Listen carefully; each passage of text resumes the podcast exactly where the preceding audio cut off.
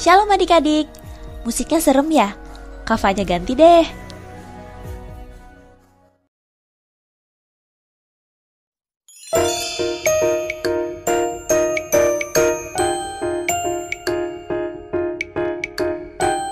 Nah, ini jauh lebih baik kan?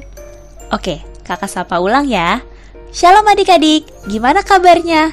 Kavanya seneng banget deh bisa kembali ngebawain renungan harian audio cerdas berpikir. Melalui renungan harian audio ini, Kavanya berharap pikiran kita semakin diisi oleh kebenaran firman Tuhan.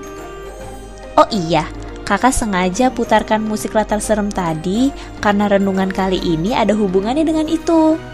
Musik latar tadi ada hubungannya dengan rasa takut. Nah, Judul renungan yang Kavanya bawain kali ini adalah Aku Pemberani. Adik-adik, siapa yang takut ke kamar mandi sendirian pas malam-malam ayo? Atau siapa yang takut tidur di kamarnya sendirian?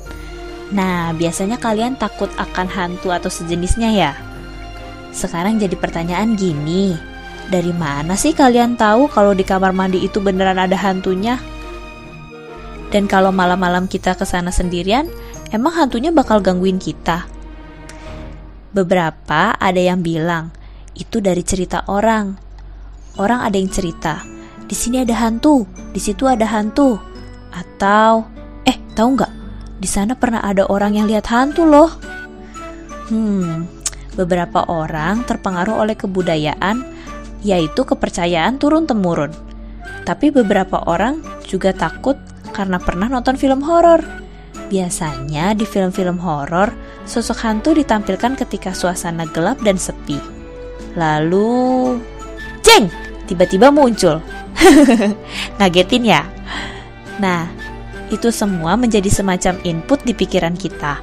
Kalau input atau masukan jenis ini sering-sering kita terima dan mengisi pikiran kita, maka sadar atau enggak, kita akan menganggap input tersebut sebagai suatu kebenaran kita percaya deh kalau hal-hal itu benar-benar ada.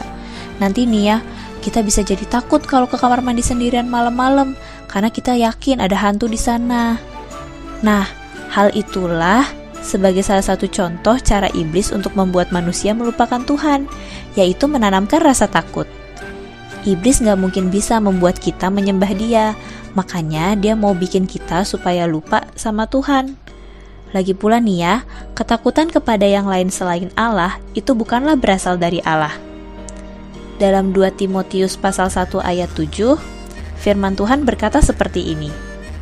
Sebab Allah memberikan kepada kita bukan roh ketakutan, melainkan roh yang membangkitkan kekuatan, kasih, dan ketertiban. Jadi sebenarnya Allah ingin membuat kita bukan menjadi seorang penakut, tapi menjadi seorang pemberani. Nah, kalian harus dengan semangat dan lantang bilang gini, aku pemberani. Tapi kak, kan tetap aja aku masih suka takut. Serem tahu kalau ke kamar mandi sendirian.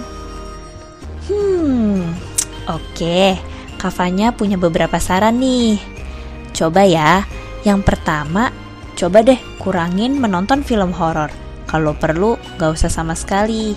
Kecuali kalau itu gak berdampak buruk. Kalau kamunya jadi penakut gara-gara film horor, udah fix berarti kan film horor itu membawa dampak buruk buat kamu. Yang kedua, coba hindari obrolan-obrolan yang isinya ngomongin tentang hantu-hantuan. Ya, emang kadang obrolan kayak gitu bikin seru sih. Tapi kan jadi kebayang-bayang. Kita jadi bisa jadi penakut deh. BTW, kafanya mau masukin kedua hal tadi sebagai saran ya.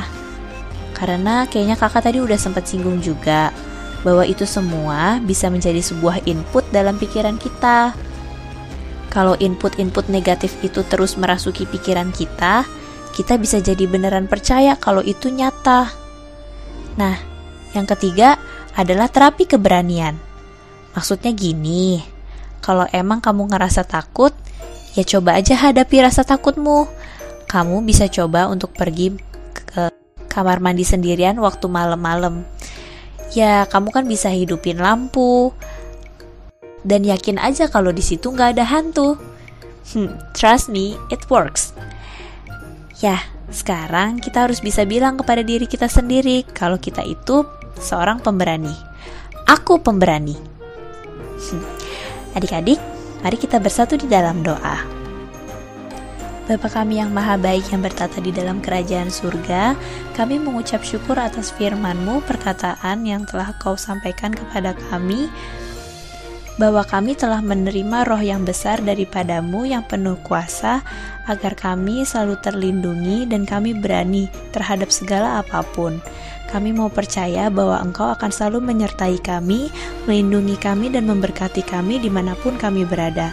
Kami mau melangkah maju bersamamu, kami mau percaya kalau engkau terlebih besar dari segalanya, dan kami mau patahkan rasa takut kami.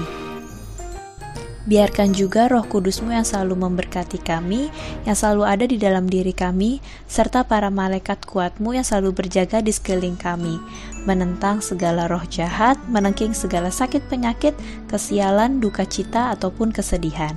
Terima kasih Tuhan Yesus yang baik. Haleluya. Amin. Oke adik-adik, tetap semangat, tetap sehat, dan tetap terus jadi berkat ya. Tuhan Yesus memberkati. Dadah!